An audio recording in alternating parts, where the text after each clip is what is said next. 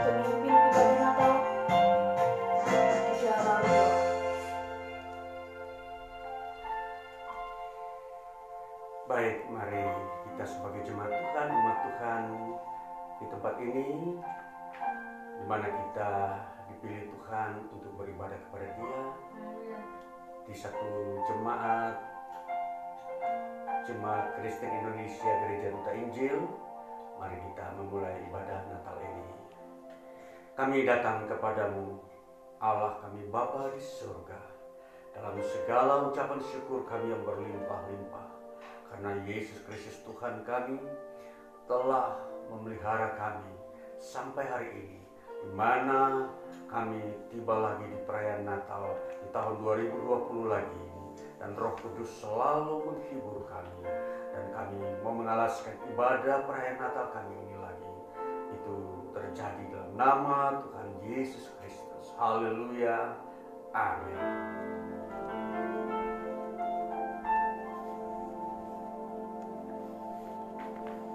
Seperti orang-orang Majus dari timur menyambut kelahiran Yesus Kristus untuk menyembahnya, Demikian pula kita menyambut dan menyembahnya lewat pujian. Selamat, selamat datang.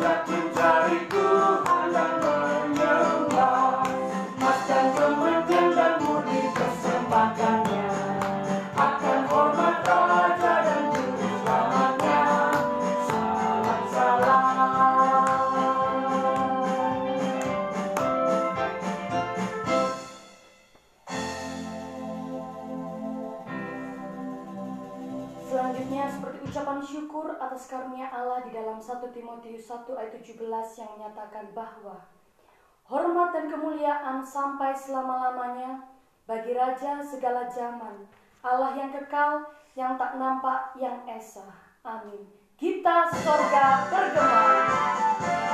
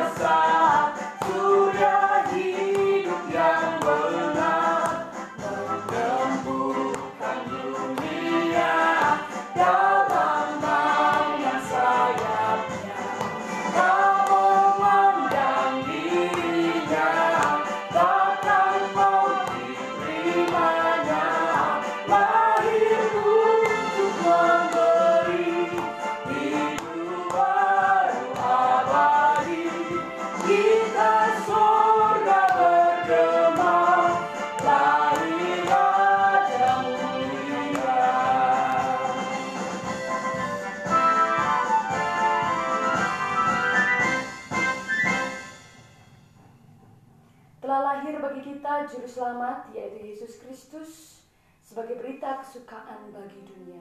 Kesukaan bagi dunia.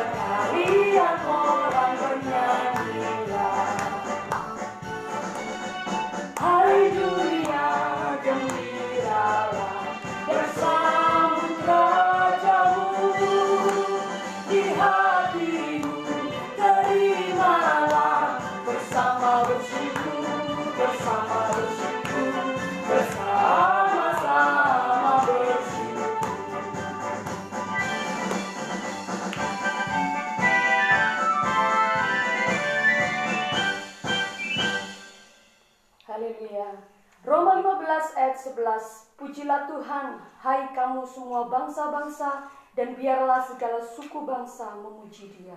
Hai, mari berhimpun.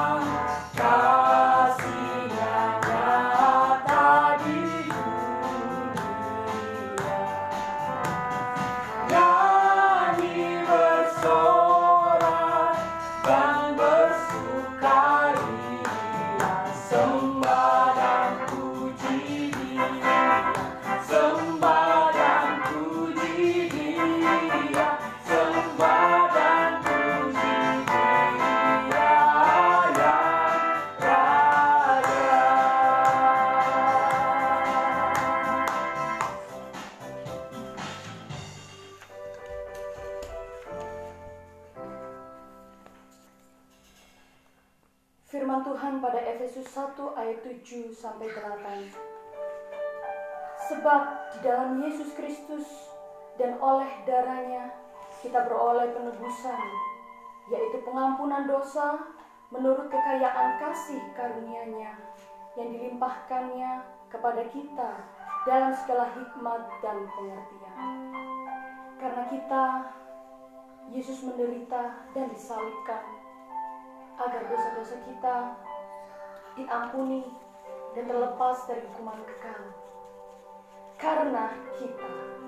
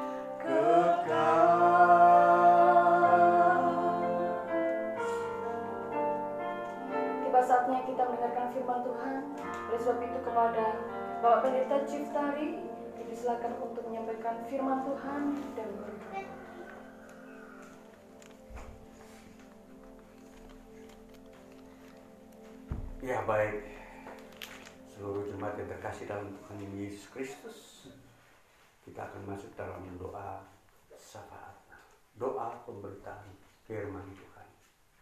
Mari kita berdoa. Kami datang ya Tuhan, kami memasuki hari-hari yang terindah, hari-hari yang kami merasakan dalam hidup ini, suatu kasih Tuhan yang Tuhan nyatakan, pemeliharaan Tuhan atas hidup kami, baik tubuh kami, jiwa, roh kami, akal kami, perasaan kami, seluruh totalitas hidup kami ini, Tuhan pelihara, tidak ada satupun yang harus kekurangan. Tuhan yang maha sempurna, Tuhan yang menyempurnakan hidup kami. Maka hidup kami yang ada di hadirat Tuhan hari ini bersamaan dengan firman yang akan kami dengar itulah yang menjadi kekayaan hidup kami yang menyempurnakan hidup ini. Pengenalan akan kami kepada Kristus Yesus Tuhan. Itu menjadi nilai yang sangat-sangat berharga yang mempermuliakan hidup kami di hadapan Kristus Yesus. Berkati firman-Mu di pagi hari ini. Dalam kami merayakan Natal kelahiran Tuhan Yesus Kristus di muka bumi yang mengampuni segala dosa-dosa kami dan dosa umat manusia. Maka kami mengucap syukur, kami mendengarkan firman-Mu di dalam nama Tuhan Yesus Kristus. Haleluya. Amin. Ya, kita akan membuka firman Tuhan yang terambil dari Injil Lukas pasalnya yang kedua ayat pertama hingga ayat yang ke-20.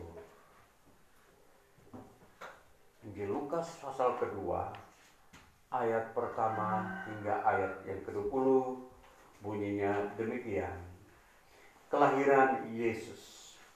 Pada waktu itu Kaisar Agustus mengeluarkan suatu perintah menyuruh mendaftarkan semua orang di seluruh dunia.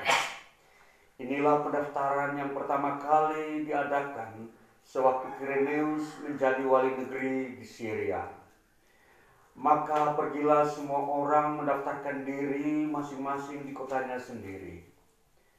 Demikian juga Yusuf pergi dari kota Nazaret di Galilea ke Yudea, ke kota Daud yang bernama Bethlehem. Karena ia berasal dari keluarga dan keturunan Daud, supaya didaftarkan bersama-sama dengan Maria, tunangannya yang sedang mengandung.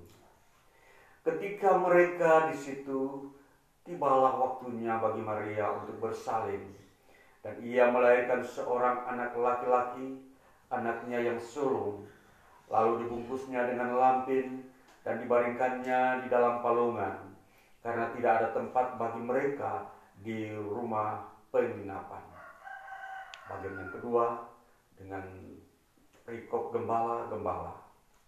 Di daerah itu ada gembala-gembala yang tinggal di padang menjaga kawanan ternak mereka pada waktu malam. Tiba-tiba berdirilah seorang malaikat Tuhan di dekat mereka. Dan kemuliaan Tuhan bersinar meliputi mereka dan mereka sangat ketakutan. Lalu kata malaikat itu kepada mereka, "Jangan takut, sebab sesungguhnya aku memberitakan kepadamu kesukaan besar untuk seluruh bangsa. Hari ini telah lahir bagimu juru selamat, yaitu Kristus Tuhan di kota Daud. Dan inilah tandanya bagimu, kamu akan menjumpai seorang bayi dibungkus dal dibungkus dengan lampin dan terbaring di dalam palungan. Dan tiba-tiba tampaklah bersama-sama dengan malaikat itu sejumlah besar bala tentara sorga yang memuji Allah katanya. Kemuliaan bagi Allah di tempat yang maha tinggi dan damai sejahtera di bumi di antara manusia yang berkenan kepadanya. Setelah malaikat-malaikat itu meninggalkan mereka dan kembali ke sorga, gembala-gembala itu berkata seorang kepada yang lain, Marilah kita pergi ke Bethlehem untuk melihat apa yang terjadi di sana, seperti yang diberitahukan Tuhan kepada kita. Lalu mereka cepat-cepat berangkat dan menjumpai Maria dan Yusuf dan bayi itu yang sedang berbaring di dalam palungan. Dan ketika mereka melihatnya, mereka memberitahukan apa yang telah dikatakan kepada mereka tentang anak itu. Dan semua orang yang mendengarnya heran tentang apa yang dikatakan gembala-gembala itu kepada mereka. Tetapi Maria menyimpan segala perkara itu di dalam hatinya dan merenungkannya. Maka kembalilah gembala-gembala itu sambil memuji dan memuliakan Allah karena segala sesuatu yang mereka dengar dan mereka lihat semuanya sesuai dengan apa yang telah dikatakan kepada mereka. Demikian firman Tuhan yang telah kita baca di pagi hari ini. Saudara yang terkasih dalam Tuhan, di dalam merayakan hari Natal, sesungguhnya memang ini sesuatu uh, makna yang begitu dalam di dalam kita memahami kekristenan. Kekristenan memang tentunya dimulai atau berakar dari kelahiran Yesus Kristus. Yesus Kristus lahir ditandai dengan awal sejarah. Dalam catatan sejarah dunia, Yesus Kristus lahir pada tahun 3 sebelum Masehi. Artinya, masa-masa tahun-tahun usia manusia katakanlah mulai dari Abraham 2000 tahun mundur turun sampai tahun menuju nol itu satu sejarah yang memberitakan tentang bagaimana Allah bekerja di tengah dunia. 2000 tahun memang tidaklah sedikit melalui beberapa generasi hidup manusia. Allah yang ada, yang berkuasa di dalam sejarah di dunia ini, tentunya memperlihatkan tentang keadaan-keadaan manusia yang terus-menerus mengalami degradasi atau mengalami kemunduran kehidupan mereka. Nah, itulah sebabnya di dalam perayaan Natal ini kita mengambil tema tentang dua sikap hidup manusia di hadapan Allah. Natal menghadirkan suatu perubahan dalam hidup manusia. Natal bukan saja di surga para malaikat bahkan Allah sendiri bekerja di dalam kehendaknya.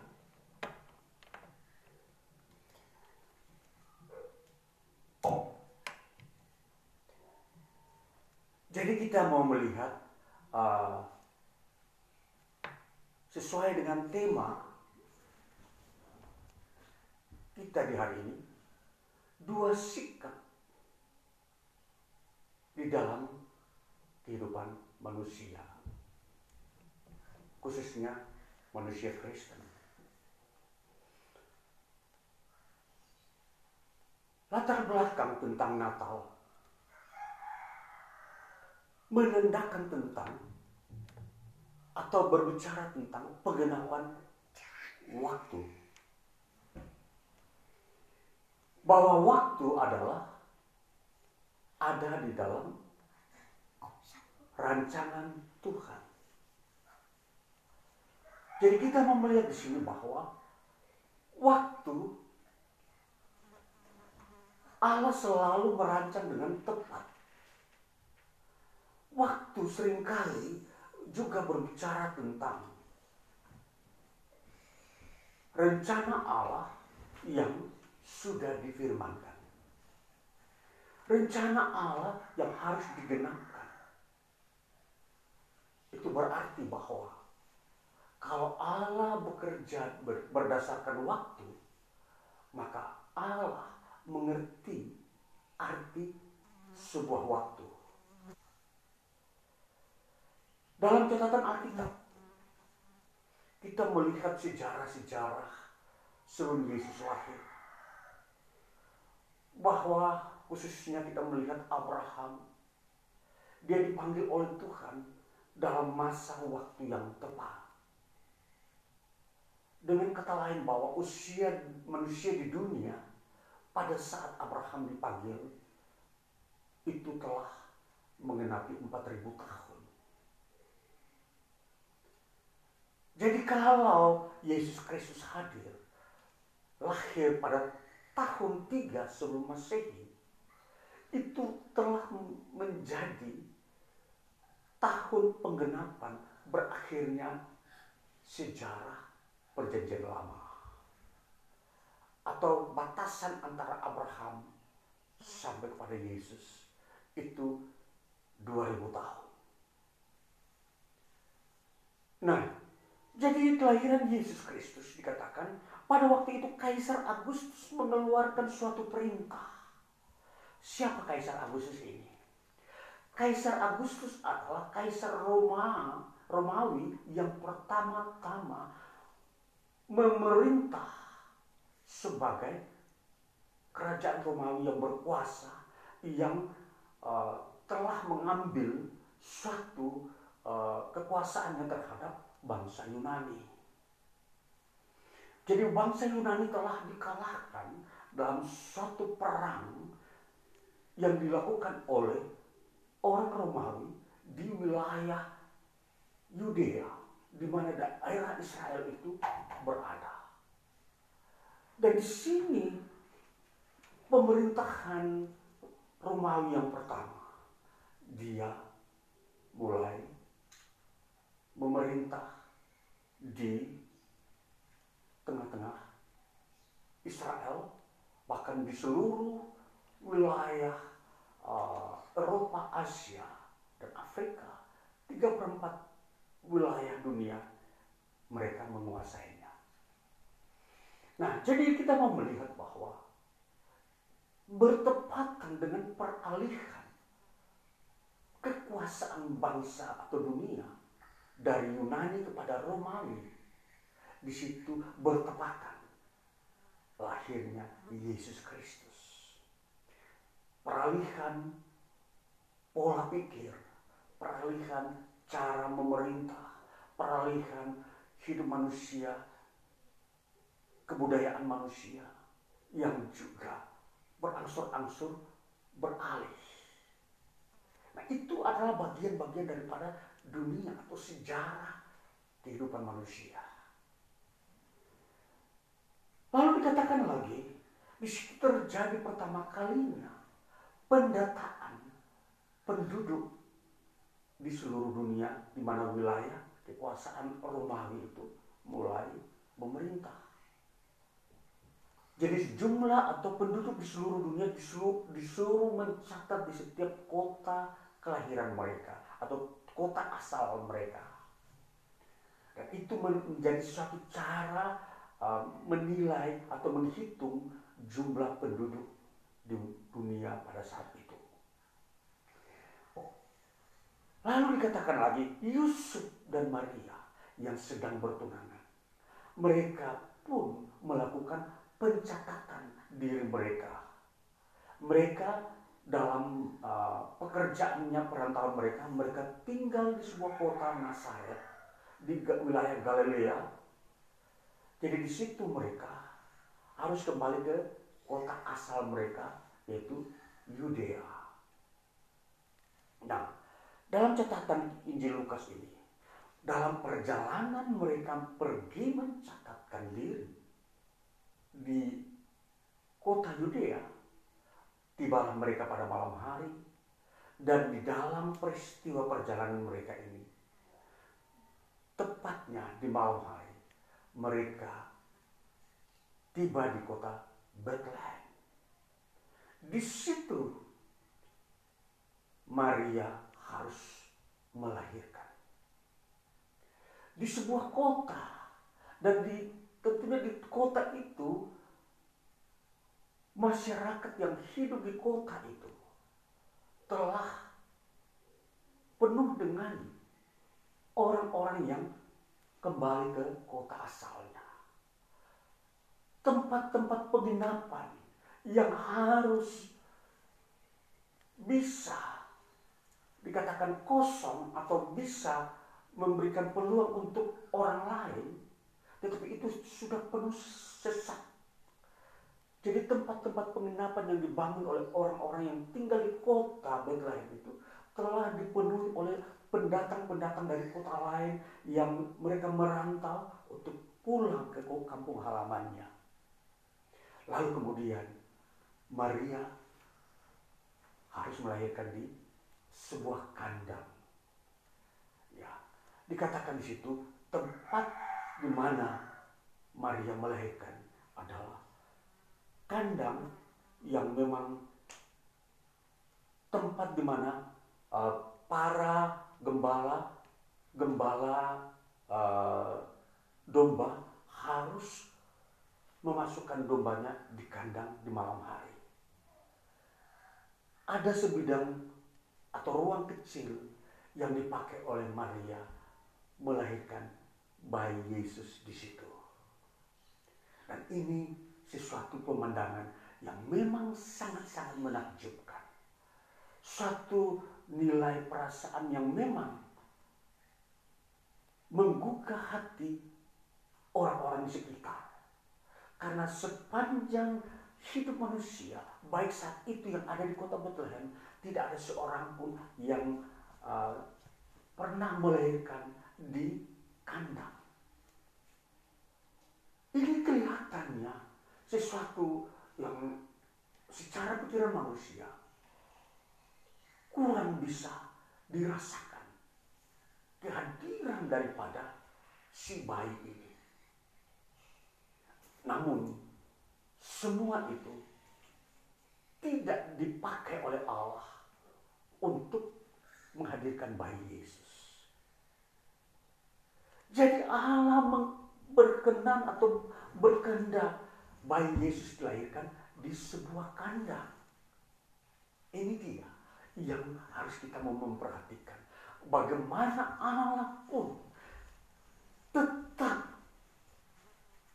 menganggap nilai-nilai yang ada dalam kehidupan manusia ini tetap dihargai, diterima sebagai suatu kehadiran bayi Yesus. Tidak dianggapnya suatu kehinaan. Sebuah kandang di mata Allah tidak merupakan suatu tempat yang hina bagi kelahiran bayi Yesus. Ini yang kita mau perhatikan. Bagaimana Allah mempunyai pikiran yang sungguh-sungguh tidak bisa dipengaruhi oleh kondisi di dunia ini. Ini satu hal yang kita mau memperhatikan dari waktu kelahiran Yesus. Jadi di sini Allah tetap bekerja. Dunia yang sempit, kota yang kecil, yang tidak mempunyai peluang bagi suatu kenyamanan seorang anak manusia. Tapi di situ Allah tetap mengizinkan kelahiran itu terjadi.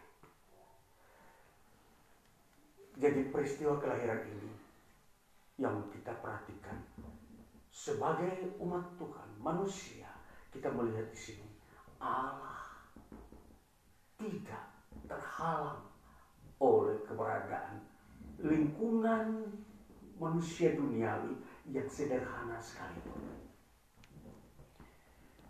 Ini yang pertama kita melihat.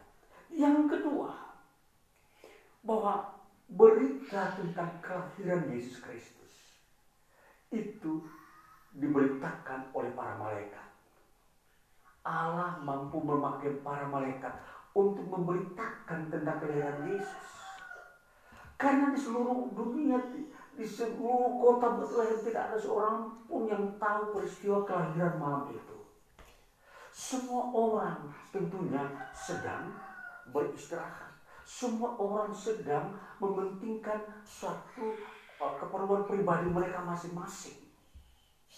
Para gembala sedang sibuk atau sedang fokus menjaga domba-domba gembalaan mereka. Jadi berita tentang kelahiran Yesus yang memberitakan ini adalah para malaikat. Bukan manusia. Malaikat datang dari surga. Datang mengunjungi para gembala ini. Yang ada di padang belantara. Yang sedang malam itu sedang beristirahat menjaga domba-domba yang mereka peliharakan. Kepada mereka datanglah para malaikat. Dan ini menjadi suatu kepedulian di mana para gembala pun datang mengunjungi atau melihat peristiwa kelahiran Yesus Kristus ini. Apa yang kita perhatikan dari kepedulian para gembala ini? Para gembala ini datang dengan segera pada malam itu. Malam itu mereka meninggalkan sejenak domba-domba yang mereka gembalakan itu. Mereka pergi dengan segera berbondong-bondong ke sebuah kandang yang ada di kota Bethlehem. Dan mereka pun menjumpai kelahiran atau bayi Yesus Kristus yang telah lahir malam itu. Ini suatu hal keterlibatan manusia yang menyaksikan kelahiran Yesus Kristus. Nah, apa yang kita mau melihat daripada peranan gembala-gembala ini? Di sini dikatakan mereka itu menceritakan apa yang mereka dengar dan lihat dari apa yang malaikat para malaikat sampaikan kepada mereka. Jadi mereka lah yang memberitakan apa yang malaikat sampaikan tentang bayi Yesus ini. Berita yang disampaikan oleh para malaikat tentang bayi Yesus ini yang menjelaskan tentang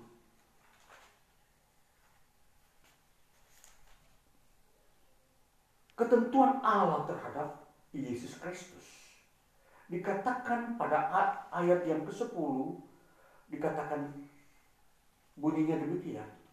Lalu kata malaikat itu kepada mereka, "Jangan takut, sebab sesungguhnya aku memberitakan kepadamu kesukaan besar untuk seluruh bangsa." Ayat 11, "Hari ini telah lahir bagimu juru selamat, yaitu Kristus Tuhan di kota Daud." Jadi berita ini, berita tentang bayi Kristus ini, itu berita tentang bahwa Yesus Kristus adalah juru selamat. Dia adalah Kristus dan Tuhan. Itulah berita yang disampaikan oleh para malaikat. Nah, jadi berita ini bukanlah berita yang biasa. Berita ini sangat menggembirakan. Menggembirakan hati para gembala. Dan menggembirakan hati orang-orang yang hadir melihat kehadiran atau kelahiran bayi Yesus Kristus. Jadi dia sudah ditetapkan oleh Allah bahwa dia adalah juru selamat dia adalah Kristus. Dia adalah Tuhan. Nah, ketetapan Allah seperti ini tidak bisa diragukan oleh siapa pun. Para gembala, Maria ibu Yesus, Yusuf sebagai uh, suami Maria, di mana mereka saat itu masih bertunangan dan beberapa orang yang tidak tercatat oleh Alkitab yang bisa melihat saat itu tentang kelahiran Yesus Kristus. Mereka pun hanya termangu-mangu mendengar berita bahwa bayi ini adalah Kristus. Dialah juru selamat. Dialah Tuhan. Kegembiraan itu tentunya memang ada di dalam hati. Tetapi yang bisa mengungkapkan itu adalah para gembala. Dikatakan mereka menyanyikan nyanyian pujian bagi Allah. Di uh, pada ayat yang ke-20 dikatakan, maka kembalilah gembala-gembala itu sambil memuji dan memuliakan Allah karena segala sesuatu yang mereka dengar dan mereka lihat. Ini mereka begitu gembira. Kegembiraan ini pasti akan terbawa sampai kepada orang-orang di mana mereka temui. Bahwa mereka telah melihat bayi Yesus, mereka telah melihat para malaikat. Semua telah mereka lihat dan mereka dengar dengan telinga mereka sendiri. Jadi ini saksi-saksi hidup tentang kelahiran Yesus. Lalu yang kedua, dari hal tentang berita kelahiran Yesus Kristus. Sisi yang lain bahwa Maria menyimpan apa yang didengar dari para gembala tentang bayi Yesus ini bahwa dia adalah juru selamat dan Kristus bahkan Tuhan ayat 19 dikatakan tetapi Maria menyimpan segala perkara itu dalam hatinya dan merenungkannya. Dia begitu terpesona, begitu ada di dalam kemuliaan Tuhan ketika mendengar berita dari para gembala ini bahwa bayi Yesus ini adalah juru selamat. Bahkan disebut Tuhan Kristus kesukaan, kesukacitaan dalam hati Maria itu tidak bisa diluapkan dengan satu kata pun. Tapi dia masuk di dalam sebuah perenungan. Dia di dalam perenungannya tentunya dia berpikir betapa besar ajaib Tuhan itu. Sehingga dia boleh dipakai oleh Tuhan untuk melahirkan bayi Yesus Kristus ini. Itulah hati nurani yang terdalam dari seorang yang bernama Maria. Lalu kita mau melihat dari tema kita dua sikap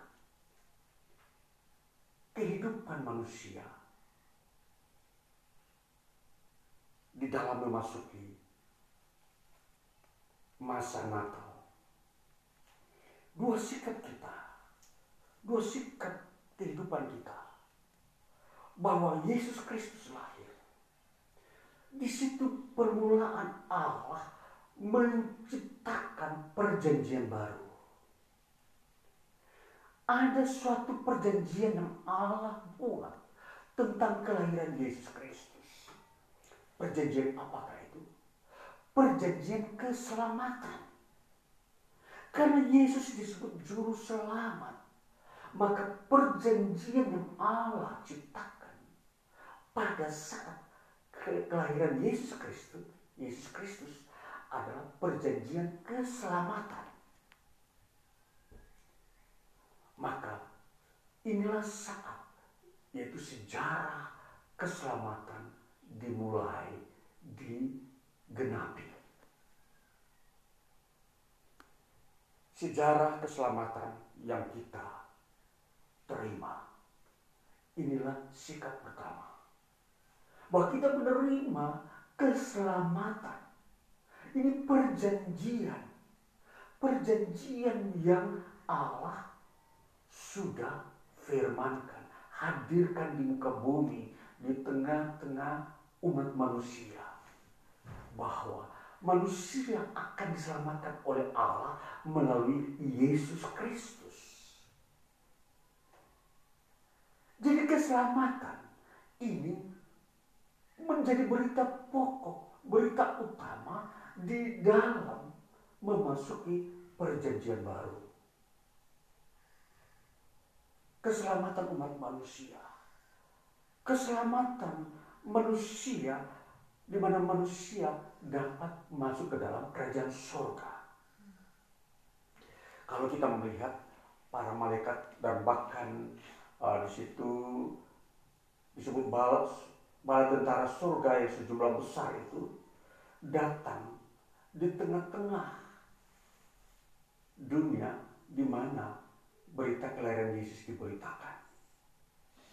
Di situ sejumlah besar berarti tidak bisa dihitung. Para malaikat ini mereka memuji Allah mereka berkata kemuliaan bagi Allah di tempat yang maha tinggi.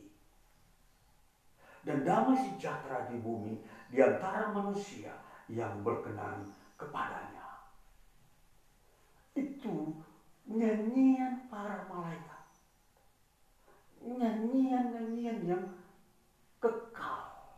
Nyanyian ini bukan nyanyian dikarang oleh manusia tapi nyanyian ini nyanyian yang tercipta di mana Allah memberikan nyanyian itu untuk memuji Allah. Jadi para malaikat menyanyikan nyanyian ini. Berarti Allah sungguh-sungguh sangat-sangat dimuliakan. Allah menempati posisi-posisi kemuliaan melalui nyanyian-nyanyian pujian. Jadi ketika kita bernyanyi, mengikuti apa yang dilakukan para malaikat, maka kita sedang melakukan kehendak Allah. Itu benar, itu baik. Karena malaikat di surga mereka pun bernyanyi. Maka kita orang percaya pun bernyanyi memuji Allah. Hal yang per pertama kita mau melihat tentang kemuliaan Allah. Di dalam hal posisi Allah yang berada di tempat kemuliaannya. Di situ, di dalam pemandangan iman manusia. Manusia yang di bumi ini ketika memandang Allah di surga. Allah yang penuh kemuliaan itu, itu manusia hanya bisa memandangnya dengan uh, akalnya, dengan jiwanya, dengan rohnya, bahwa Allah ada di tempat maha tinggi. Nah, ini disebut sikap manusia seperti ini yang memandang Allah di tempat maha tinggi. Ini disebut sikap transenden. Sikap di mana memandang Allah berada di tempat yang maha tinggi dan penuh kemuliaan dan tidak bisa dijangkau oleh umat manusia. Karena surga adalah tempat yang maha suci, maha tinggi, maha mulia dan tidak bisa dikunjungi oleh manusia ketika manusia hidup di muka bumi ini. Itu adalah sikap transenden. Nah dalam kondisi seperti itu, manusia yang hanya memandang Allah dalam sebuah khayalan, sebuah imajinasi, tidak bisa melihat Allah dengan matanya, maka ketika Yesus hadir, Allah memperlihatkan dirinya agar mata manusia bisa memandang Allah. Nah, jadi dengan kelahiran Yesus Kristus, bahwa di sinilah Allah mengerti kerinduan manusia yang ingin mengenal Allah secara lebih dekat, yang disebut cara imanen. Di mana artinya bahwa Allah hidup di tengah-tengah manusia. Maka kelahiran Yesus Kristus disebut Immanuel. Artinya Allah beserta kita. Atau Allah ada di tengah-tengah kita. Immanuel. Jadi sikap imanen merasa bahwa Allah ada di tengah-tengah kita. Allah tidak jauh dari kita. Allah tidak hanya ada di surga, tapi Allah ada di bumi juga. Di tengah-tengah hidup manusia. Jadi Allah tidak ada berdiam hanya di tengah-tengah para malaikat di surga. Maka Allah mau berdiam di tengah-tengah hidup manusia di muka bumi melalui Yesus Kristus. Nah inilah disebut uh, peristiwa uh, yang memperbaharui hidup manusia. Jadi dua sikap yang memperbaharui hidup manusia ini yang akan terlihat di dalam kelahiran Yesus Kristus. Sikap yang pertama, sikap di mana kita manusia tidak takut. Firman Tuhan katakan, para gembak, para malaikat menyebutkan jangan takut. Sebab sesungguhnya aku memberitakan kepadamu kesukaan besar untuk seluruh bangsa. Jadi seluruh bangsa berhak mendapatkan berita tidak takut. Ini perubahan sikap. Sikap dalam kehidupan manusia dengan kelahiran Yesus Kristus. Karena Allah sudah ada di tengah-tengah hidup manusia. Sehingga manusia tidak perlu takut. Di sini kondisi takut memang manusia merasa takut ini tentunya secara uh, kompleks. Bisa saja takut karena kondisi dunia yang tidak aman, di mana bangsa-bangsa masih ada dalam saling berperang. Itu kondisi yang pertama. Kondisi yang kedua adalah di mana uh, lingkungan sosial banyak orang yang tidak saling peduli. Yang ketiga adalah soal keberadaan manusia dalam Allah. Bagaimana Allah tidak lagi menghukum manusia karena dosa-dosa mereka. Jadi tiga hal ini yang mewarnai tentang berita tentang jangan takut. Jadi sikap pertama ini adalah sikap yang paling mendasar bagi kehidupan manusia. Maka berita orang yang mendengar berita tentang jangan takut. Karena Yesus Kristus telah lahir adalah orang-orang yang paling berbahagia. Orang-orang yang merasa hidupnya terjadi perubahan yang dahsyat. Pembaruan ada suatu kepercayaan dalam diri bahwa hidup ini tidak perlu lagi takut. Hidup ini tidak perlu lagi pesimis. Hidup ini tidak perlu lagi minder. Harus bersemangat. Harus penuh gairah. Penuh daya juang. Harus bersuka cita. Inilah berita yang dikemas oleh para malaikat yang dibawa dari surga diperuntukkan kepada umat manusia orang-orang yang mendengar berita tentang kelahiran Yesus Kristus. Ini perubahan yang pertama. Jangan takut. Lalu kemudian kita melihat ada berita yang kedua. Dikatakan ada sukacita. Ya di di dalam bagian ayat 20 dikatakan maka gembala-gembala-gembala itu sambil memuji dan memuliakan Allah. Sikap memuji memuliakan Allah ini terjadi di dalam hidup manusia. Kebiasaan orang memuji Allah itu jarang terjadi. Oleh karena landasan-landasan hidup manusia ini semua sedang uh, goyang, sedang hancur. Orang sedang uh, banyak gelisah dan uh, banyak uh, kehidupan-kehidupan secara fisik maupun moral semua sedang mengalami gangguan. Maka mempengaruhi kehidupan rohani orang-orang yang ada di sekitarnya. Memuji Allah sukar sekali.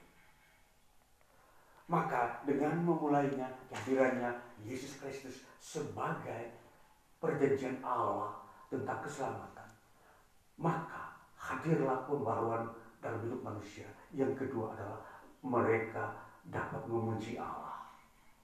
Dua hal ini, dua sikap yang begitu indah dalam hidup manusia yang Allah kehendaki dengan peristiwanya Natal ini dapat terwujud. Nah, jadi saudara-saudaraku, kita melihat hidup di dunia ini, kita telah menjalani kehidupan Natal umat manusia secara sejarah juga sudah merayakan Natal 2000 tahun. Lebih sudah 2021 jadi dengan kata lain bahwa uh, umat manusia di muka bumi sepanjang 2000 tahun setelah Yesus lahir telah merasakan apa arti Natal. Mereka dapat bersuka cita, mereka dapat memuji Allah. Dan itu gereja telah menjadi wadahnya, tempat di mana orang-orang memuji Allah orang-orang uh, mendapat uh, damai sejahtera, tidak takut. Dua hal penting ini tetap kita perhatikan bahwa kita hidup di dalamnya. Kita menjalani hari hidup di dunia ini banyak-banyak peristiwa, banyak-banyak hal yang bisa mempengaruhi pikiran. Tetapi kalau kita memperhatikan berita Natal Dua berita ini yang paling penting. Jangan takut dan kita memuji Allah. Jadi dua ekspresi sikap hidup kita ini akan terbentuk ketika kita mengerti tentang kelahiran Yesus. Ketika kita menerima, menerima mendengar firman Allah bahwa Yesus Kristus datang membawa damai, membawa keselamatan. Sehingga kalau kita memahami ini, kita akan menjadi orang yang menjadi orang yang uh, mempunyai uh, kesukaan besar, percaya diri bahwa Allah ada di tengah kita. Allah pemilik hidup, pencipta hidup ini, dia ada di tengah-tengah kita. Immanuel. Jadi sikap pengetahuan inilah yang harus membangun generasi manusia lepas generasi memasuki tahun-tahun ke depan. Masih banyak generasi baru yang muncul yang sekarang mereka berumur eh, katakanlah 20 tahun ke bawah. Mereka membutuhkan berita peneguhan tentang kehadiran Yesus Kristus. Nanti di pada tahun 20 tahun ke depan mereka lah orang yang mewarnai kegirangan sukacita di dunia ini. Nah ini kita memperhatikan bahwa setiap kita merenungkan, merenungkan berita kelahiran Yesus Kristus, kita mendapatkan dua hal yang berguna bagi kita, yang merubah hidup kita. Kita tetap tidak takut. Setiap tahun pasti kita melewati uh, uh, keadaan-keadaan alam, keadaan lingkungan yang selalu berubah. Tetapi berita tidak takut ini harus kita tetap pegang, kita menerima perjanjian Allah ini. Lalu kita melihat bahwa memuji Allah itu suatu keadaan ibadah kita. Kita memuji Allah, itu kita beribadah, itu di mana pun kita dapat lakukan.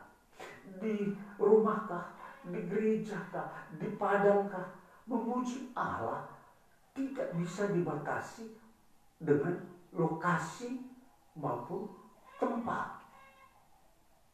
Memuji Allah, patut dipuji di seluruh permukaan bumi. Di mana pun umat manusia dia berada dan tinggal, dia dapat memuji Allah di situ. Dan di sini Tuhan telah memperlihatkan salah satu contoh para gembala. Mereka memuji Allah di mana? Di padang.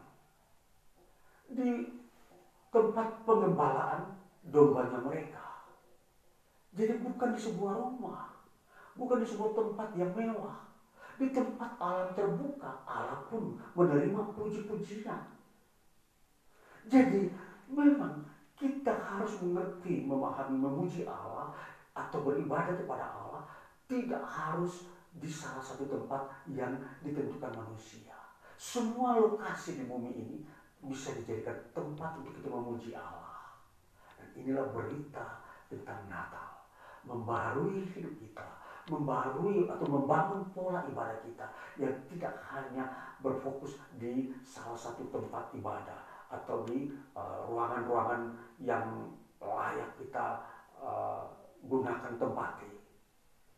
Ruangan sederhana gubuk pun kita dapat beribadah, berdoa di situ. Karena lidah kita, hati kita memuji Allah itu jauh lebih berguna. Tapi kalau kita diperkenankan Tuhan juga membangun tempat ibadah, itu tidak mengapa karena kita uh, berada dalam kondisi alam hujan supaya kita tidak kena hujan pada saat kita melakukan ibadah, memuji Allah. Itu pun tetap bisa dikerjakan. Jadi semua tempat bisa kita lakukan. Jadi di sinilah berita tentang kelahiran Yesus Kristus membawa berita pembaruan kepada hidup manusia perihal dirinya dan perihal aktivitasnya. Dirinya tidak boleh takut aktivitasnya memuji Allah di mana pun dia berada. Inilah berita Natal bagi kita. Tuhan Yesus memberkati. Haleluya. Amin.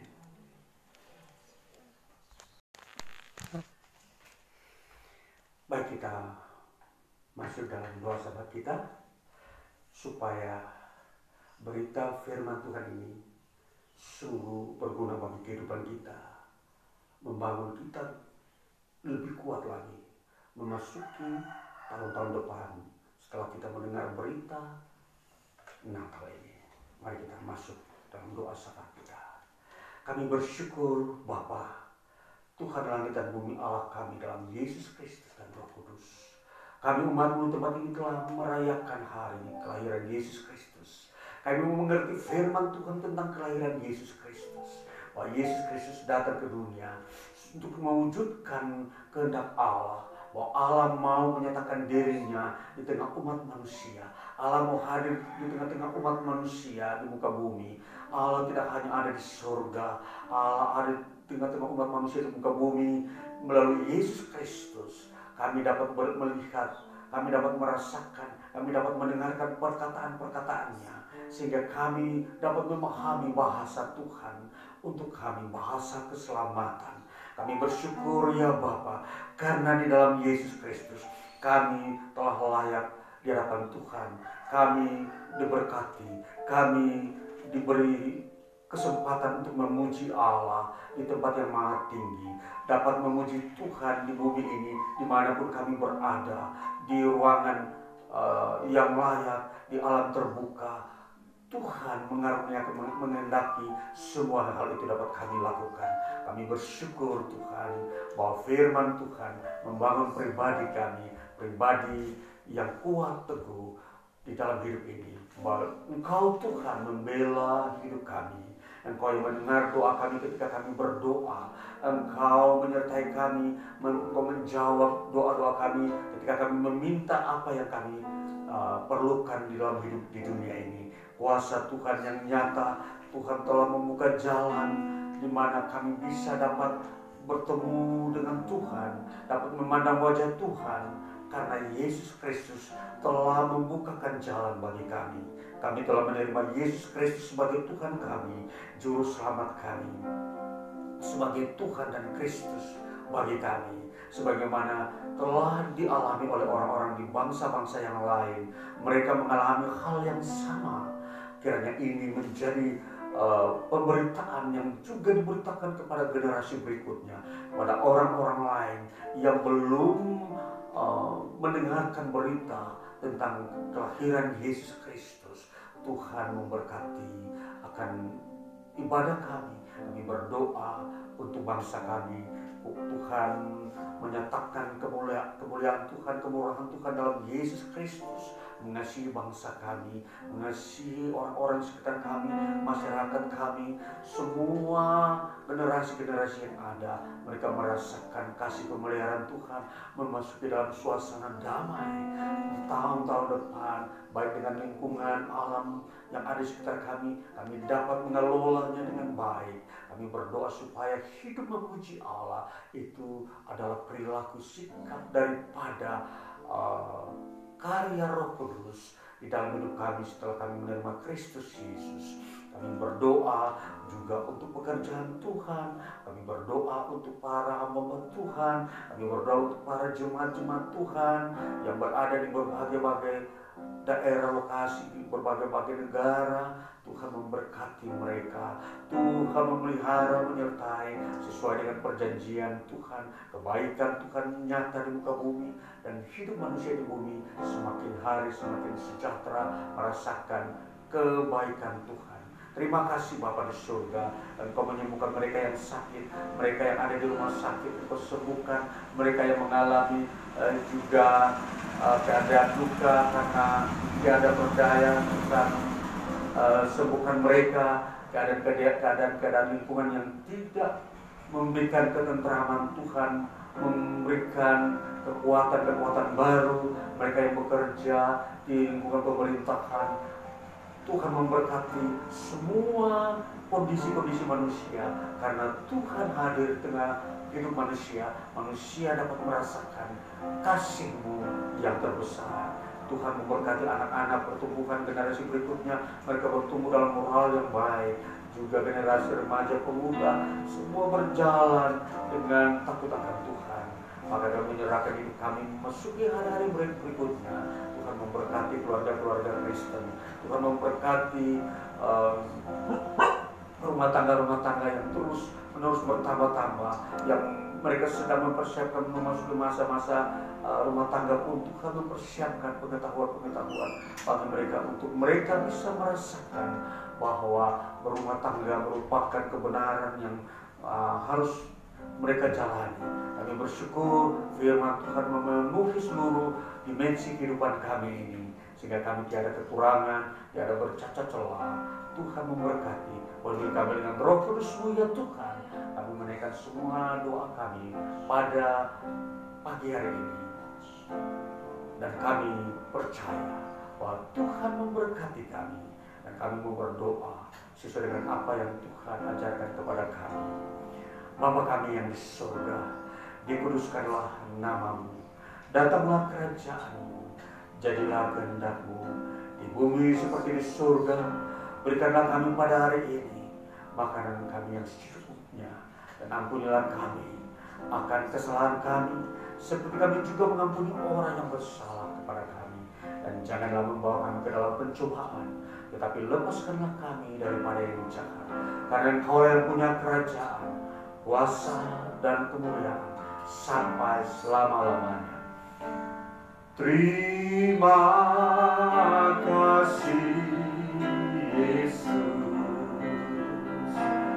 Terima kasih Yesus. Puji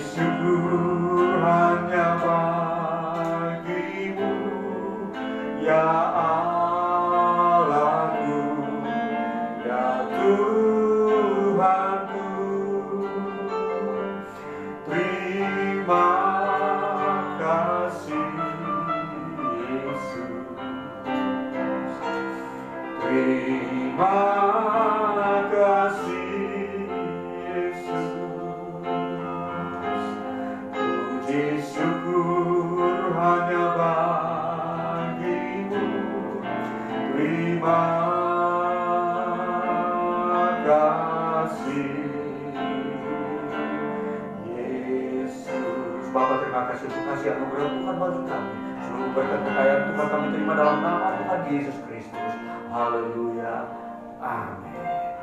Puji Tuhan Selamat Natal